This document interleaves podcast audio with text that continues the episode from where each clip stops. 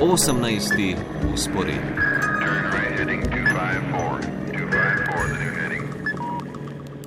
Tudi največjemu gospodarstvu v Evropski uniji v teh tednih preglavice povzročajo predvsem visoke cene energentov. V Nemčiji že pripravljajo ukrepe, s katerimi bodo jeseni in po zimi blažili visoko inflacijo, hkrati pa beležijo rekordno število odprtih delovnih mest. Z našo berlinsko dopisnico Polono Fjauš danes o prilagajanju Nemcev na nove gospodarske razmere, o njihovih načrtih za zeleni prehod ter o stanju v njihovih javnih medijskih servisih. Hkrati pa pogledamo še na Polsko in preverimo, v kakšnih razmerah trenutno bivajo milijoni ukrajinskih beguncev pol leta po začetku vojne. Polona, pozdravljena. Ja, lepo zdrav iz Berlina. E, začniva torej kar pri gospodarstvu, e, od katerega so tradicionalno zelo odvisni tudi kazalniki v slovenskem gospodarstvu. E, visoka inflacija, ki jo poganjajo v nebo predvsem cene energentov, kot rečeno, na eni strani, hkrati pa visoko povpraševanje po delovni sili, na drugi. Kaj iz tega lahko razberemo o stanju v Nemčiji, kako se pripravljajo na zimo? No, predvsem, eh, kar lahko razberemo, je, da so razmere tukaj precej napete.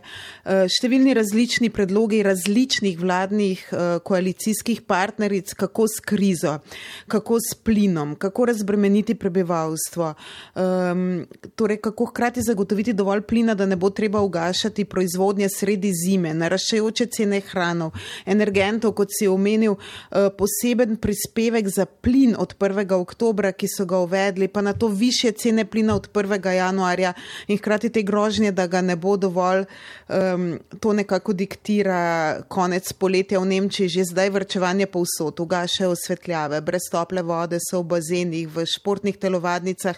To je Nemčija in predvsem Berlin, v katerega se počasi vračajo dopustniki. V ponedeljek se tukaj začne, uh, začnejo šole in ja, manjka 500 tisoč ljudi za delo, je ocena v celotni Nemčiji, v postrežbi, proizvodni, Eh, na letališčih, zaradi tega so odpovedali številne lete letos poleti, ker ni bilo dovolj osebja, letala zamujajo, prav zaradi tega manjkajo učitelji, tisoč samo v Berlinu, da nimo, pa negovalci, vzgojitelji. In tukaj zdaj tristranska vladna koalicija pripravlja ali pa govori o načrtih, kako bodo pridobili delovno silo. A kar bolj skrbi je seveda inflacija. Po drugi strani pa Nemčiji hkrati grozi recesija, eh, še posebej, če jim bo med zimo zmanjkalo plina, eh, kot napovedujejo nekateri strokovnjaki. Zdaj naj bi imeli plina dovolj za dva in pol meseca, torej plin je ta stvar, okoli katerega se ta trenutek v Nemčiji vse vrti in vsi nekako preračunavajo, ali bo dovolj, za koliko časa, kaj bo potem. Um, in zdaj nekako ocenjuje, da bo za dva in pol uh, meseca dovolj um, plina, če ne bo premrzla zima. Po drugi strani pripravljajo scenarije, katere industrijske obrate bodo ustavili, če ga vendarle ne bo dovolj.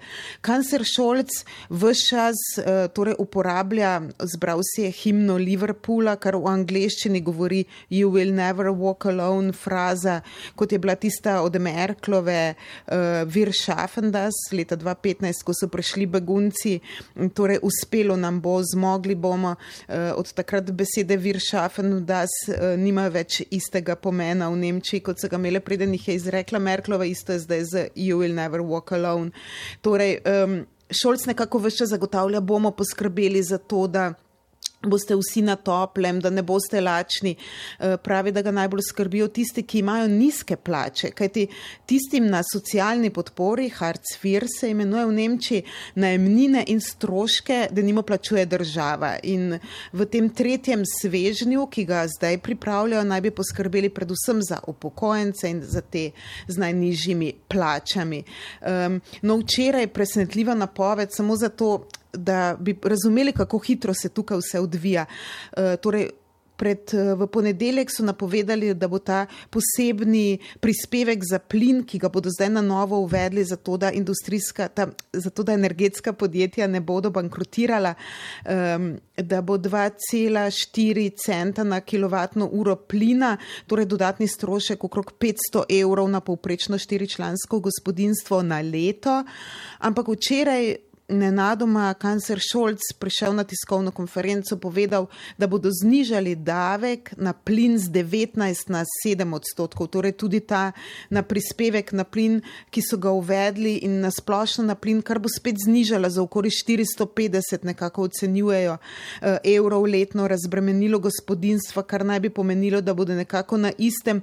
Zdaj odzivi um, če bo toliko razbremenjen plin, zakaj niso razbremenjeni tudi oni, ki uporabljajo obnovljive vire energije. Um, skratka, nekako boj znotraj koalicije, ka, um, finančni minister Lindner skuša razbremeniti celotno prebivalstvo približno enakomerno, kar pomeni, da tudi bogatejše uh, bolj kot tiste z manj prihodki, temu se upirajo socialdemokrati, zato napoveduje ta tretji svežen. Tudi zeleni pravijo, da se neenakost v Nemčiji povečuje, vedno več je revnih, uh, statistika temu pritrjuje, tudi otrok. Tako da veliko, veliko Eh, dela čaka nemško vlado to jesen. Kancer Šolc je bil v sredo v Neurupinu um, pogovor z prebivalci na trgu, uh, tam so sklikali izgini lažnivec, uh, pa se v bistvu ta težavni del sploh še ni začel. Razhajanja, strah pred tem, da bodo socialni nemiri, čeprav Šolc pravi, da jih ne bo.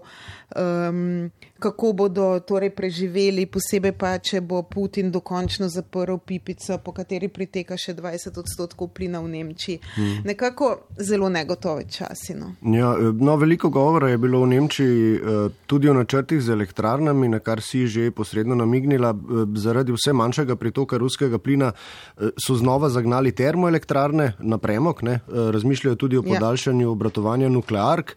Ja, kaj pa torej načrti za zeleni prehod na več eh, virov obnovljive energije, ti so zdaj posili razmer spet na stranskem tiru ali kako? Ne, pravijo, da ravno nasprotno, da jih pripravljajo z najhitrejšim možnim tempom, eh, ampak letos še spreminjajo in prilagajajo zakonodajo, da bodo lahko z gradnjo potem drugo leto eh, dosegli eh, pač te cilje vetrnice na kopnem.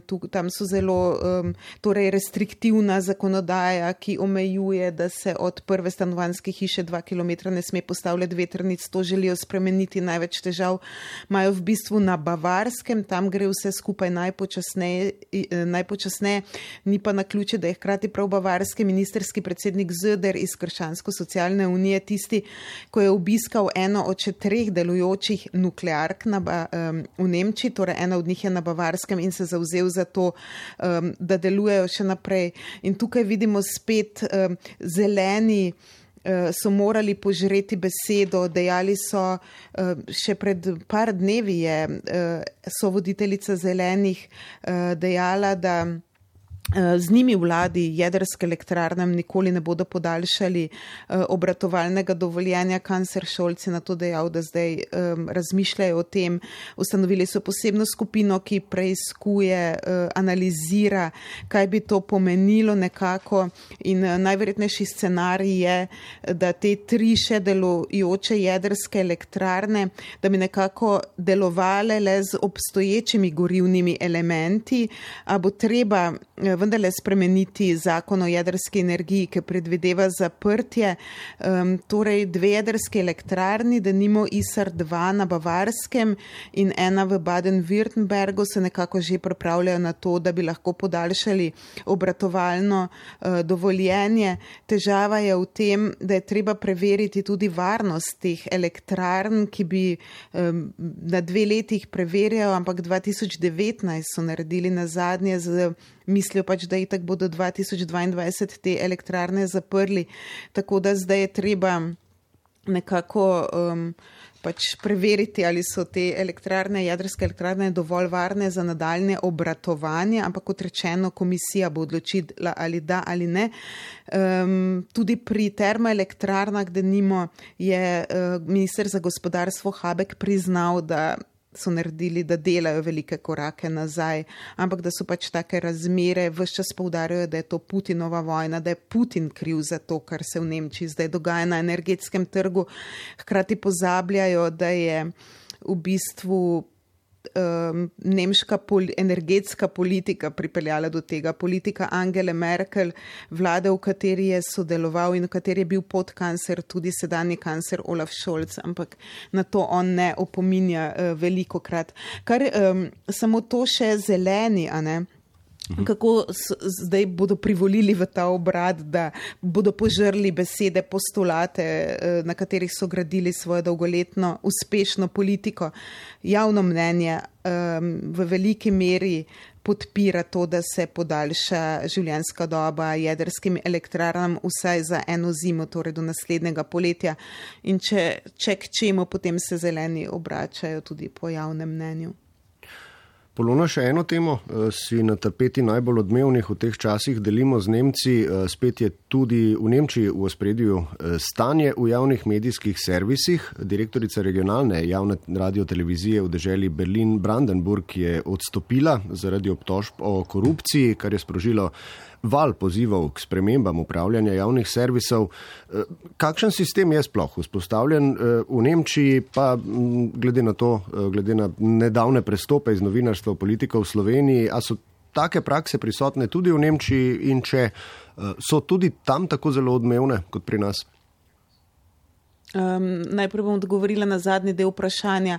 Ja, te prakse so seveda tudi v Nemčiji, niso tako odmevne kot pri nas in seveda grejo samo v eno smer, ne tako kot pri nas. Torej, uh mhm. -huh. nihče od tistih, ki so šli v politiko ali vodili uh, kancerske urade, bili PR-ovci na ministerstvih, uh, se seveda ne morejo vrniti na javni servis. To uh, si predstavljam, ampak to je moja osebna ocena, da bi Nemci sprejeli to kot zelo nehigienično. V resnici si tega sploh ne predstavljam v takšnih um, uh, javnih servisih. Uh, in ob teh omejitvah, ki jih imajo v Nemčiji ob vplivu politike, da bi ena opcija, da nimo vrnila. Um, nekoga na javni servis, potem ko je delal za Merklovo ali pa za kancerja Šolca ali pa za njihovo vlado.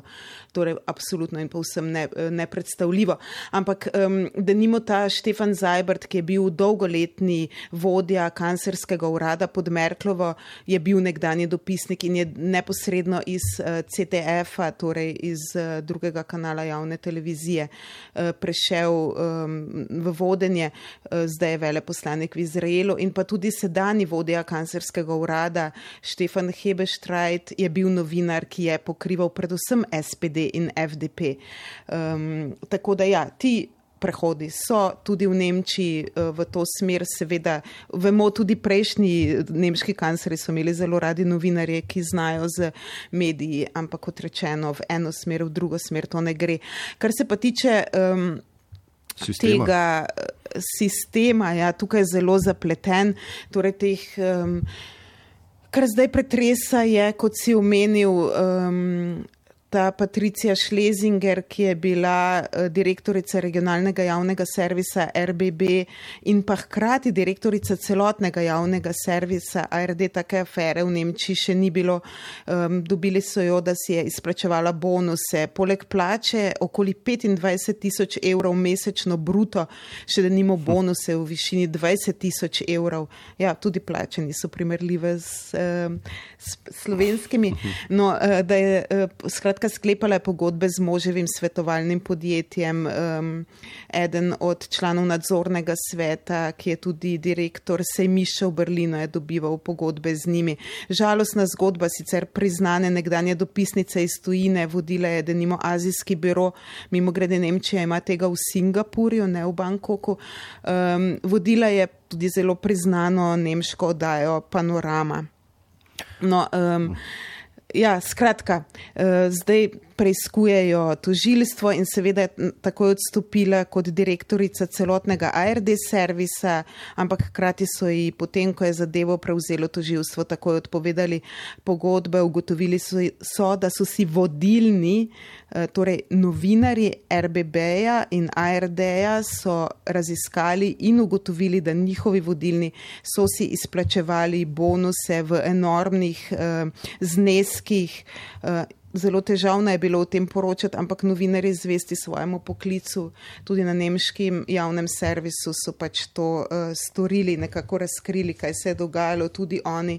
Um, tako da ja, ampak Mimo grede, javna naročnina, torej za javno televizijo ARD edini in CDF, edini, ki to postavljajo pod vprašaj v Nemčiji, so eh, skrajno desna alternativa za Nemčijo, kar seveda je neskladno z, njihovo, z njihovim domoljubjem eh, v narekovajih, ki ga izkazujejo, kajti vemo, javni servisi so tisti, ki zagotavljajo eh, torej tudi lektoriran jezik za manjšine, ehm, torej za vse vrste vrste uh, oddaj za otroke, kvalitetne risanke, lepo prevedene v nemški jezik, um, za gluhoneme. Skratka, javni servis um, je zelo domoljubna zadeva in uh, tudi naročnina in tudi v Nemčiji je tako dojeta in uh, v Nemčiji vlada visoka stopnja zaupanja v eh, javni servis 70 odstotkov eh, ljudi zaupa javnim medijem v Nemčiji. Mhm. Načeloma, ne, ampak vendarle so pa glasovi tudi proti oziroma pozivi k zaustavitvam financiranja, čeprav razumem. Uh, ja, kot glasni. rečeno, skrajne desnice uh. -huh. so zelo glasni, ampak uh, tega nobena od drugih strank ne podpira. In vemo, skrajna desnica AFD, torej, ki zahteva, ki poziva k temu, da se ne plačuje več naročnina, je stranka, s katero nobena od ostalih uh, strank v parlamentu ne sodeluje na, na, koli, na kateri koli ravni. Torej, uh mhm. -huh. sploh ni zamisljivo, da bi uh, z njimi sodelovali. Um. Mhm. Ja. Da, Polona, ob koncu pogledaj še eh, čez mejo na Polsko. Eh, pred pol leta, ob začetku vojne v Ukrajini, so beguncem na široko odprli vrata, tam eh, več milijonov jih je prečkalo Polsko, zdaj jih je tam nastanjenih več kot milijon. V kakšnih razmerah trenutno živijo, kakšen izziv je tudi to za Polsko trenutno? Ja, ogromen in vedno večji. Ocena je celo, da je na polskem nastanjenih med 1,5 in 2 milijona ukrajinskih beguncev, registriranih je 1,2 milijona, od tega vemo 94 odstotkov žensk in otrok, ki so zaprosili za pomoč in zaščito. In to je več kot dvakrat več kot katerakoli evropska država in to traja že pol leta. Številni ljudje so ponudili domove. Marca je vlada sprejela zakon, s katerim je za Ukrajince eh, za 18 mesecev omogočila dostop, torej da gre otroci v šole, zdravstveni sistem, socialno pomoč, torej 100 evrov na otroka, pa družinski bonus. Um, Poljaki, takrat se spomnimo, so se res izjemno odzvali, ampak dobivali so nekako nadomestilo, če so namestili Ukrajince, ukrajinske begunce doma, eh, le prve tri mesece, tega ni več. Eh, zdaj, jaz. Um, nisem bila zdaj čez poletje na polskem, tako da razmer ne poznam iz prve roke, ampak takrat prve tedne po prihodu je bil odziv res izjemen. Uh, ampak po poročilih iz Polske je ta lep del zgodbe nekako zdaj stopa v zadje. Polski gospodarski inštitut uh, pi, Pije je naredil obsežno raziskavo z nekaj zanimivimi ugotovitvami, torej kako izjemna je bila ta pomoč. 77 odstotkov vseh Poljakov je pomagalo, 7 odstotkov jih je sprejelo na dom, torej to je 2,5 milijona Poljakov. Ampak kar se dogaja zdaj, um, približuje se novo šolsko leto. Šole so prepolne. Um, nevladni organizaciji Polski migracijski forum ocenjuje, da so prostovoljci izčrpani in da se približujejo delu, ko se bo veliko reči sesulo, ker razmere so ta trenutek neuzdržne. Težko je najti stanovanje, ker so se eh, cene najemnin v vpraševanju zelo dvignile. Polska vlada je eh, preurejala stare zapuščene eh, stavbe, iskala socialna stanovanja, a ni podatkov, kako izpeš, uspešno. V resnici nihče ni pričakoval, da bo ta vojna trajala tako dolgo in skrb je, da bo polski sistem preobremenjen, da bo vzniknilo sovraštvo, ehm, da se bodo po drugi strani Ukrajinci, ki ne morejo preživeti s to socialno pomočjo, um, dela pač ne najdejo oziroma je zelo slabo plačano, da bodo torej številni brezdomci, eh, da se bodo po drugi strani Ukrajinci, torej večinoma Ukrajinke, vračali v mesta, ki sploh eh, niso eh, varne. Torej obeti pred tem niso dobri in Poljska bo potrebovala vso mednarodno pomoč, ki jo bo lahko dobila. Ne pozabimo, za pet odstotkov se je povečalo prebivalstvo Poljske v nekaj tednih. Ja. In to breme s časom postaje postaje le še težje. Polona Fjavš, hvala za tole poročilo iz Nemčije, srečno v Berlin. Lepo zdrav.